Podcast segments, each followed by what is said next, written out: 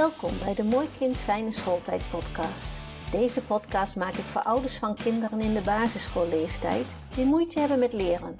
Dit kan ontstaan omdat je kind de taal van school niet begrijpt of school begrijpt de leerwijze van je kind niet goed, maar dit kan ook andere oorzaken hebben. Wil je als ouders voorkomen dat je kind vastloopt of het zelfvertrouwen verliest? Ga je bij de eerste signalen gelijk op zoek naar begeleiding omdat je denkt in mogelijkheden? Dan is deze podcast gemaakt voor jullie. Want ik weet dat er nog heel veel mogelijkheden zijn voor je kind. Met deze podcast help ik jullie graag bij jullie zoektocht naar de beste ondersteuning. Dit keer gaat de podcast over kinderen die vastlopen op school, terwijl het eigenlijk best slimme kinderen zijn. Resultaten blijven achter. Automatiseren lukt niet. Concentreren is een ramp. Alledaagse kinderen die moeite hebben om de lesstof in zich op te nemen of om stil te zitten of juist heel stil zijn en teruggetrokken. Ze zijn slim genoeg, daar ligt het niet aan. Het lijkt wel of de groep kinderen die vastloopt steeds groter wordt. Enerzijds komt dit doordat er steeds minder ruimte is voor afwijken van de norm.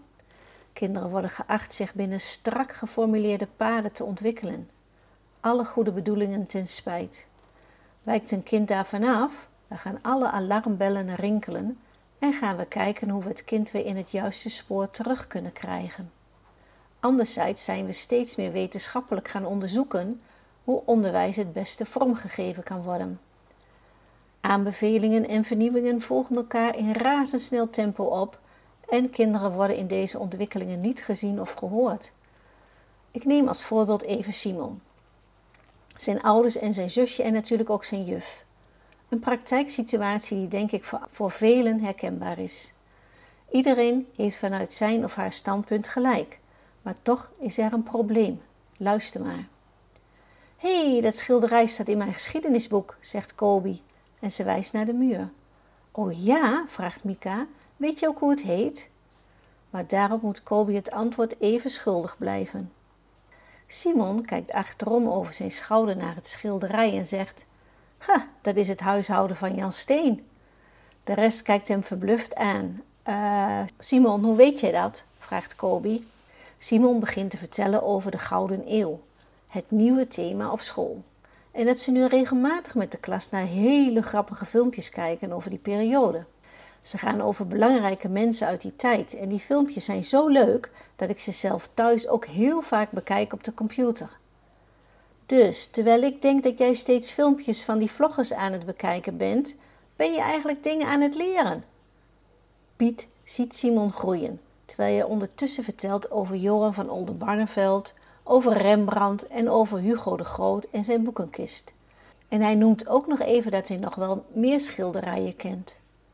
Eigenlijk is hij wel een beetje trots, want voor zijn gevoel is dit de allereerste keer dat hij iets weet.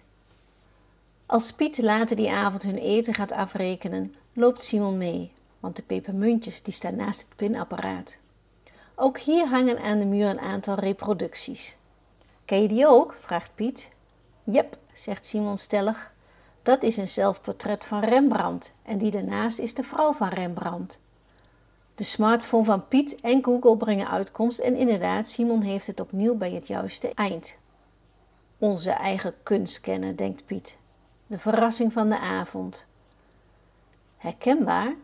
Je ziet dat je kind dingen doet waarvan je zegt: wauw, dat je dat weet, terwijl je van school hoort dat het niet zo best gaat. School is inmiddels extra hulp aan het optuigen en er moeten misschien wel onderzoeken gedaan gaan worden. En jij denkt: het klopt niet, je krijgt de vinger er niet achter. Je gevoel zegt dat het eigenlijk heel goed gaat met je kind. Blijf dat gevoel volgen. Jij bent specialist over je eigen kind. Tegelijk moet je wel weten waarom het op school nou misloopt. Wat is de reden daarvan? De volgende dag gaat Simon naar school en ze komen net de klas in na het speelkwartier. Het speelkwartier is weer goed gedaan, denkt de juf. Even lekker rennen, dan gaan ze daarna weer met frisse moed aan het werk. Haar blik blijft hangen bij Simon, die dromerig uit het raam staat. Ga je ook aan het werk, Simon? Hij kijkt op en knikt, waarna ook hij zich over zijn werkschrift buigt. Hoe werkt het toch bij die jongen? vraagt de juf zich af. Afgelopen maand, tijdens het thema over ridders en jonkvrouwen, stond zijn Playmobil ridderkasteel als sprongstuk op de aandachttafel en bij de klassieke les wist hij zoveel details aan te vullen dat ik hem met alle plezier een stukje van de les liet overnemen. En hij nam enthousiast de uitdaging nog aan ook. Zijn werkstukken, zijn creatieve kunstwerkjes. Maar zijn schrijfwerk is dramatisch en staan vaak meer fouten dan goede woorden in. En ondanks de extra tijd die wekelijks in het lezen wordt gestopt, wil het ook maar niet lukken om zijn AVI op niveau te krijgen. Zijn toetsresultaten zijn onvoorspelbaar. En om eerlijk te zijn weet ik zelfs niet zo goed hoe we een aangepaste leerlijn vorm moeten gaan geven. Kabaal bij het raam haalt de juf uit haar overpeinzingen. Siebe is van zijn stoel gevallen. Met een grote grijns op zijn gezicht zet hij zijn stoel weer overeind en gaat zitten. Als de juf hem twee tellen later alweer op twee poten ziet balanceren, zegt ze: Een stoel heeft vier poten, Siebe. De klas gaat, na nog wat gelach, weer aan het werk en de juf buigt zich over de dictées van die ochtend. Even later staat Simon aan haar bureau en hij zegt zachtjes: Siebe is nog een beetje druk in zijn hoofd, juf. Misschien moet hij even een extra rondje rond het schoolplein rennen. Dat helpt mij ook altijd als ik niet stil kan blijven zitten. Je bent een goede vriend, Simon, zegt de juf. Ga jij maar vertellen dat het goed is, dat hij even naar buiten mag. S'avonds, als de juf in bed ligt, schiet Simon weer in haar gedachten. Het lijkt wel alsof de uitleg niet bij hem binnenkomt. Wat kan ik toch doen om hem wel te bereiken? Herkenbaar? Een kind in je klas waarvan je denkt: het zit er wel in, maar het komt er niet uit? Wat je allemaal al niet gedaan hebt om hem te helpen.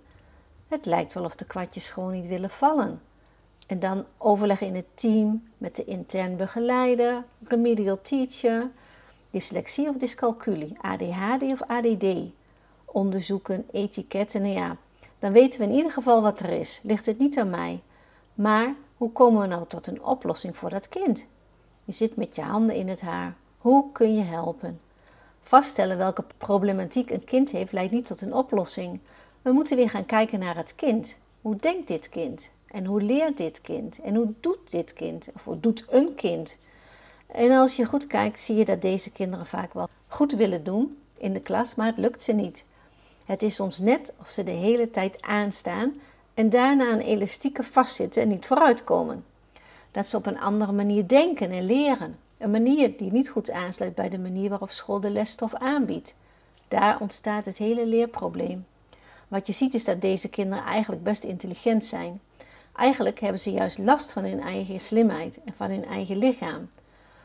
Ze denken te veel over de opdrachten na en als je te veel nadenkt gaat het mis. Je krijgt dan te veel opties en als je te veel opties hebt moet je kiezen. Welke oplossing moet je dan nemen? En tijdens deze overweging gebeurt er niets en gaat kostbare tijd verloren. Hoe denkt zo'n kind? Hoe leert een kind en hoe doet een kind? En heb ik dat goed begrepen wat de leerkracht ook bedoelt? Zo'n kind wil eerst weten of hij wel het juiste doet. Dus hij houdt de leerkracht goed in de gaten. Voelt iemand zich wel veilig genoeg? Of zit hier ook nog een reflex in de weg? Als de juf niks zegt, dan gaat het vast wel goed.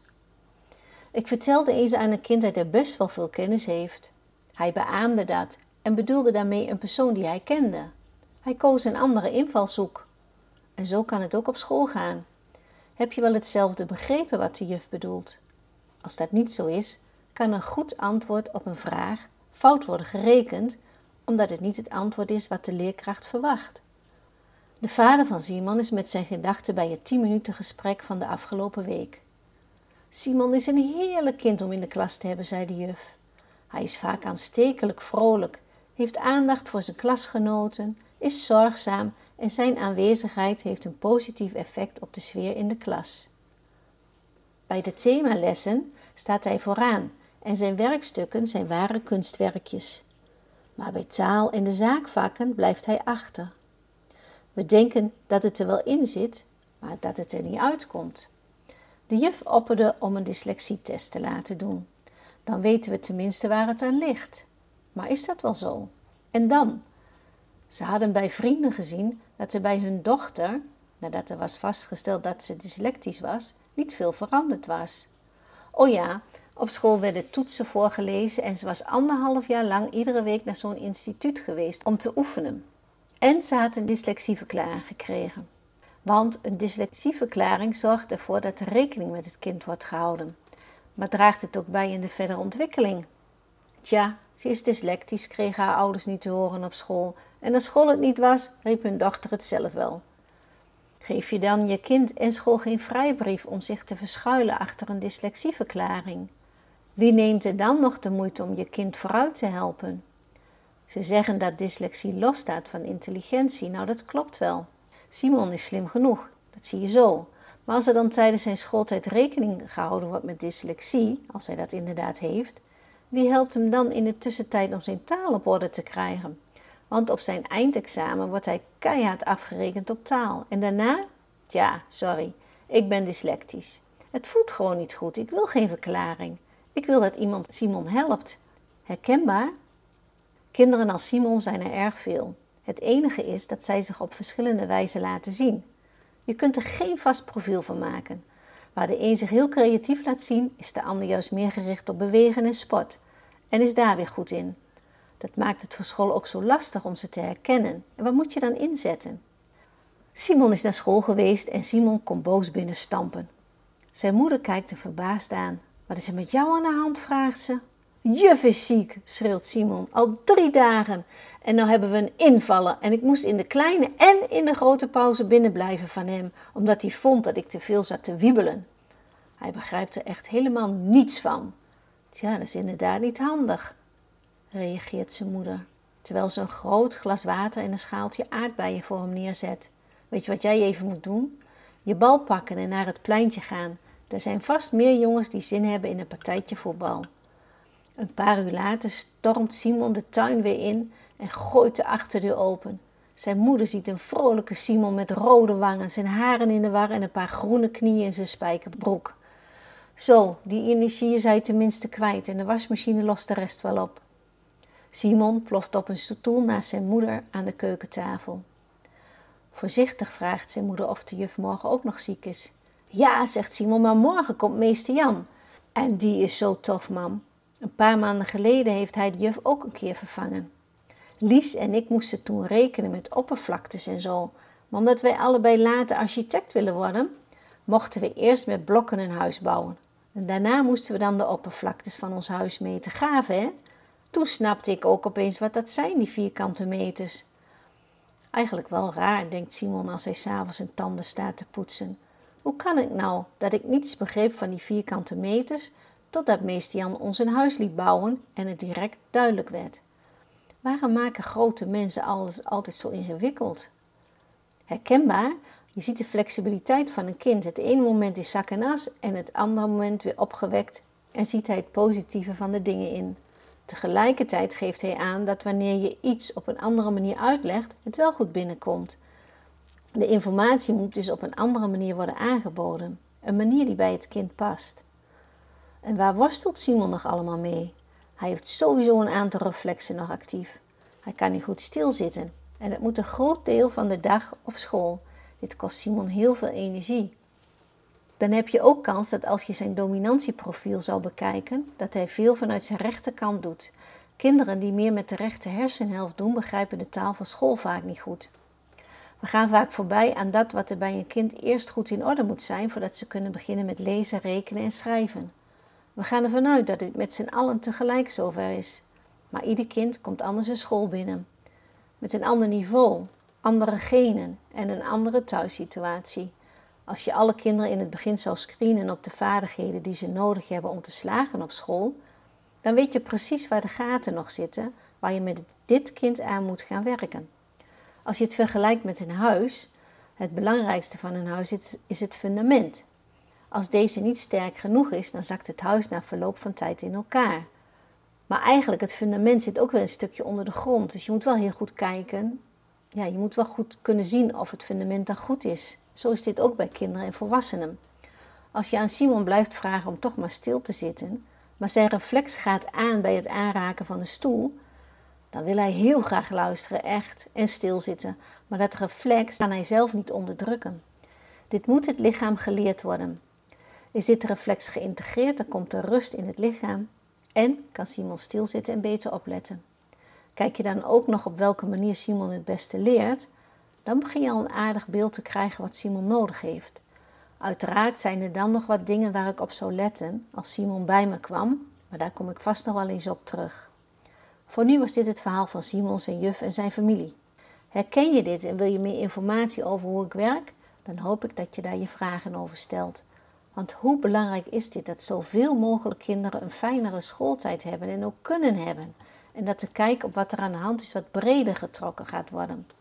We gaan ervan uit dat school het wel weet, maar ook daar kijken ze naar datgene wat ze geleerd hebben en wat ze weten. Mooi als daar wat verschuivingen kunnen plaatsvinden. Met z'n allen samen komen we een heel eind. Dank je voor het luisteren en tot een volgende keer. Bedankt voor het luisteren naar deze podcast. Wil je meer Mooi Kind Fijne Schooltijd podcasts beluisteren? Abonneer je dan op deze podcast. Luister je via Spotify, klik dan op volgen en op het belletje, dan krijg je een bericht als de volgende podcast er is. Vertel ook anderen over deze podcast. Heb je aanvullingen, ideeën of tips, dan hoor ik dit graag. Je kan met me in contact komen via Instagram of LinkedIn. Een mail sturen kan ook. Stuur deze dan naar info.eigenleerweg.nl. En natuurlijk mag je ook een review achterlaten. Heel graag tot de volgende aflevering.